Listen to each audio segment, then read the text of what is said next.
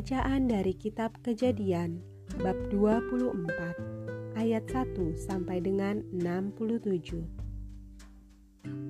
Ribka dipinang bagi Ishak. Adapun Abraham telah tua dan lanjut umurnya, serta diberkati Tuhan dalam segala hal.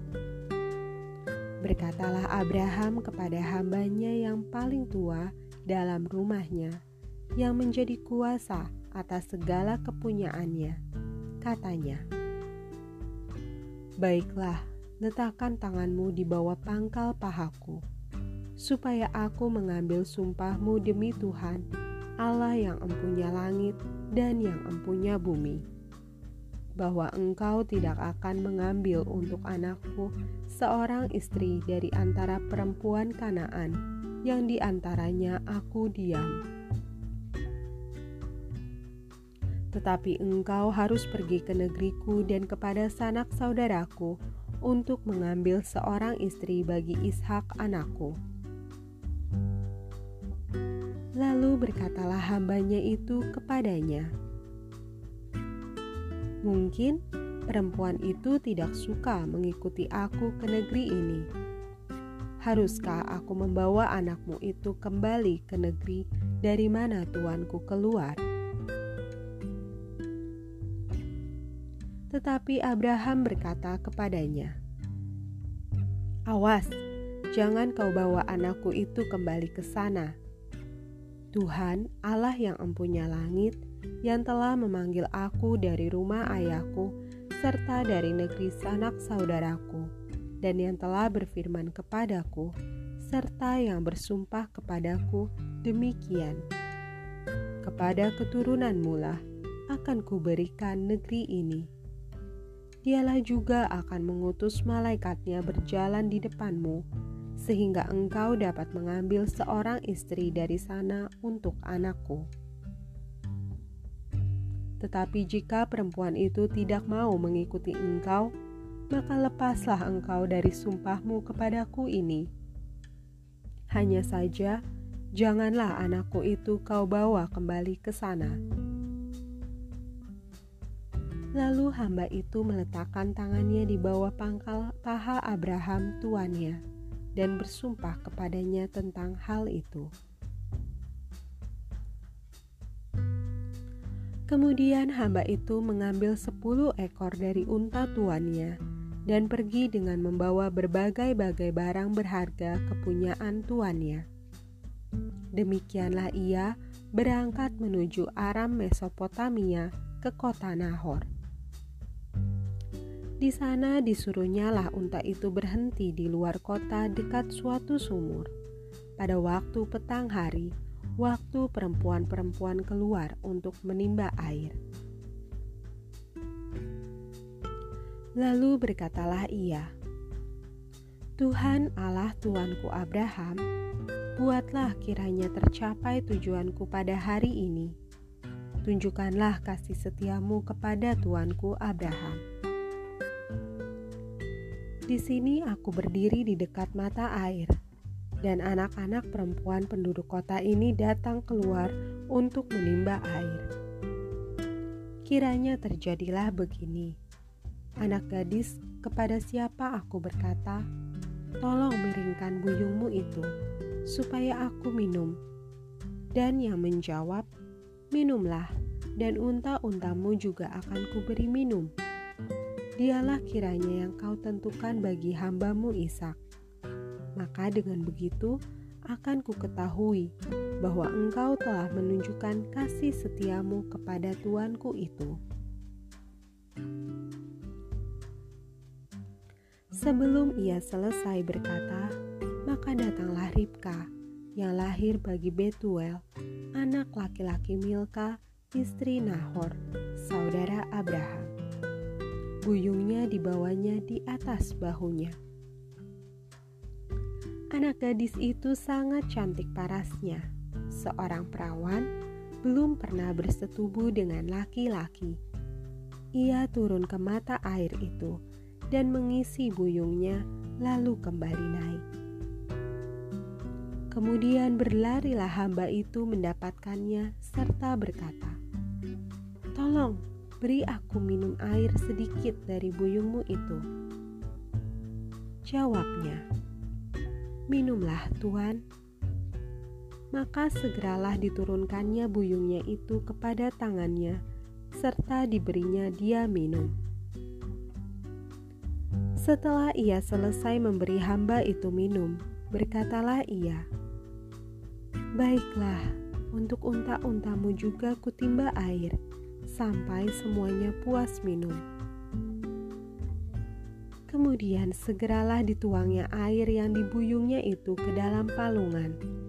Lalu berlarilah ia sekali lagi ke sumur untuk menimba air, dan ditimbanyalah untuk semua unta orang itu. Dan orang itu mengamat-amatinya dengan berdiam diri untuk mengetahui apakah Tuhan membuat perjalanannya berhasil atau tidak.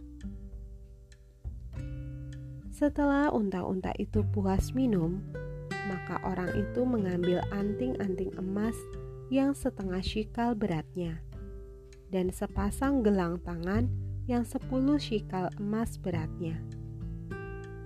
Serta berkata, Anak siapakah engkau? Baiklah, katakan kepadaku, adakah di rumah ayahmu tempat bermalam bagi kami? Lalu jawabnya kepadanya, Ayahku Betuel, anak Milka, yang melahirkannya bagi Nahor.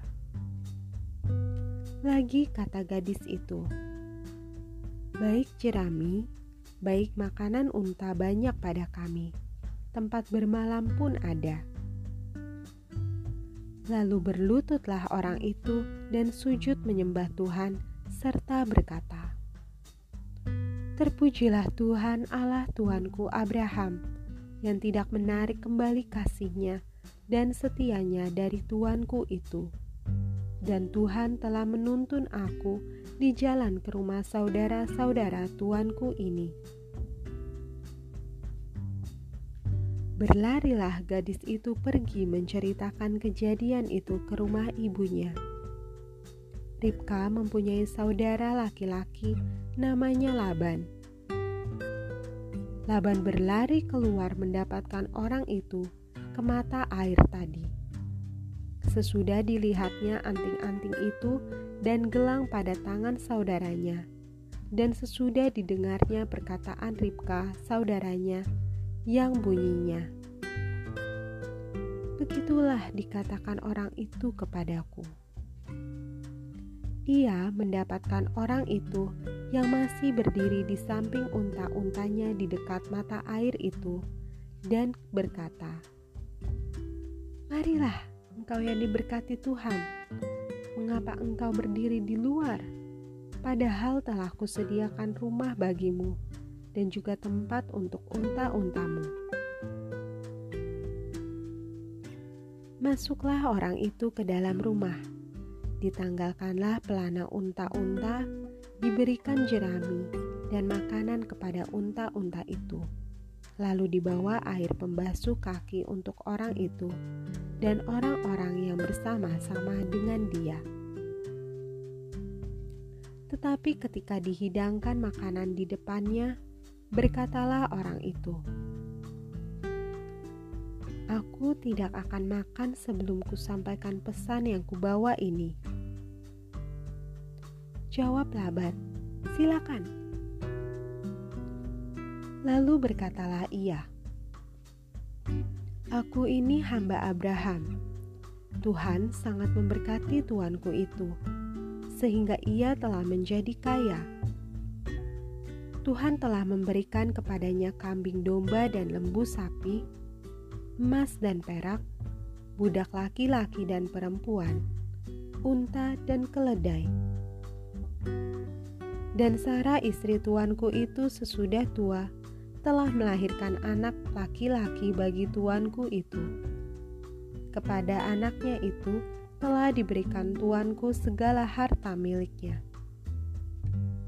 Tuanku itu telah mengambil sumpahku. Engkau tidak akan mengambil untuk anakku seorang istri dari antara perempuan Kanaan yang negerinya kudiami ini. Tetapi engkau harus pergi ke rumah ayahku dan kepada kaumku untuk mengambil seorang istri bagi anakku. Jawabku kepada tuanku itu, mungkin perempuan itu tidak mau mengikut aku. Tetapi katanya kepadaku, Tuhan yang di hadapannya aku hidup akan mengutus malaikatnya menyertai engkau dan akan membuat perjalananmu berhasil, sehingga engkau akan mengambil bagi anakku seorang istri dari kaumku dan dari rumah ayahku. Barulah engkau lepas dari sumpahmu kepadaku, jika engkau sampai kepada kaumku, dan mereka tidak memberikan perempuan itu kepadamu. Hanya dalam hal itulah engkau lepas dari sumpahmu kepadaku. Dan hari ini aku sampai ke mata air tadi. Lalu kataku, Tuhan Allah Tuanku Abraham, sudilah kiranya engkau membuat berhasil perjalanan yang kutempuh ini. Di sini aku berdiri di dekat mata air ini. Kiranya terjadi begini. Apabila seorang gadis datang keluar untuk menimba air, dan aku berkata kepadanya, Tolong berikan aku minum air sedikit dari buyungmu itu. Dan ia menjawab, Minumlah, dan untuk unta-untamu juga akan kutimba air. Dialah kiranya istri yang telah Tuhan tentukan bagi anak tuanku itu. Belum lagi aku habis berkata dalam hatiku, Ribka telah datang membawa buyung di atas bahunya dan turun ke mata air itu lalu menimba air. Kataku kepadanya, "Tolong berikan aku minum." Segeralah ia menurunkan buyung itu dari atas bahunya serta berkata, "Minumlah, dan unta-untamu juga akan kuberi minum." Lalu aku minum, dan unta-unta itu juga diberinya minum. Sesudah itu aku bertanya kepadanya, Anak siapakah engkau?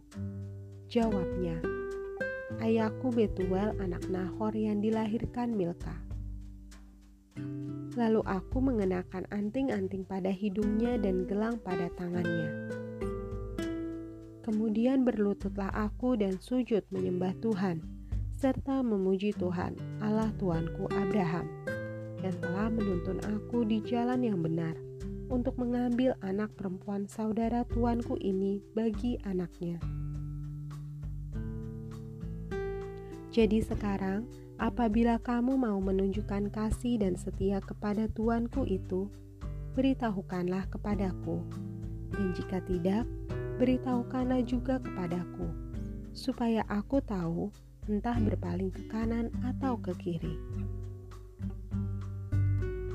Lalu Laban dan Betuel menjawab, "Semuanya ini datangnya dari Tuhan. Kami tidak dapat mengatakan kepadamu baiknya atau buruknya. Lihat, Ribka ada di depanmu. Bawalah dia pergi, bawalah dia dan pergilah, supaya ia menjadi istri anak tuanmu, seperti yang difirmankan Tuhan." Ketika hamba Abraham itu mendengar perkataan mereka, sujudlah ia sampai ke tanah menyembah Tuhan. Kemudian hamba itu mengeluarkan perhiasan emas dan perak serta pakaian kebesaran dan memberikan semua itu kepada Ribka, juga kepada saudaranya dan kepada ibunya diberikannya pemberian yang indah-indah. Sesudah itu, makan dan minumlah mereka ia dan orang-orang yang bersama-sama dengan dia, dan mereka bermalam di situ. Paginya, sesudah mereka bangun, berkatalah hamba itu, "Lepaslah aku pulang kepada tuanku." Tetapi saudara Ribka berkata, serta ibunya juga, "Biarkanlah anak gadis itu tinggal pada kami." barang sepuluh hari lagi. Kemudian bolehlah engkau pergi. Tetapi jawabnya kepada mereka, Janganlah tahan aku, sedang Tuhan telah membuat perjalananku berhasil. Lepaslah aku, supaya aku pulang kepada tuanku. Kata mereka, Baiklah, kita panggil anak gadis itu dan menanyakan kepadanya sendiri.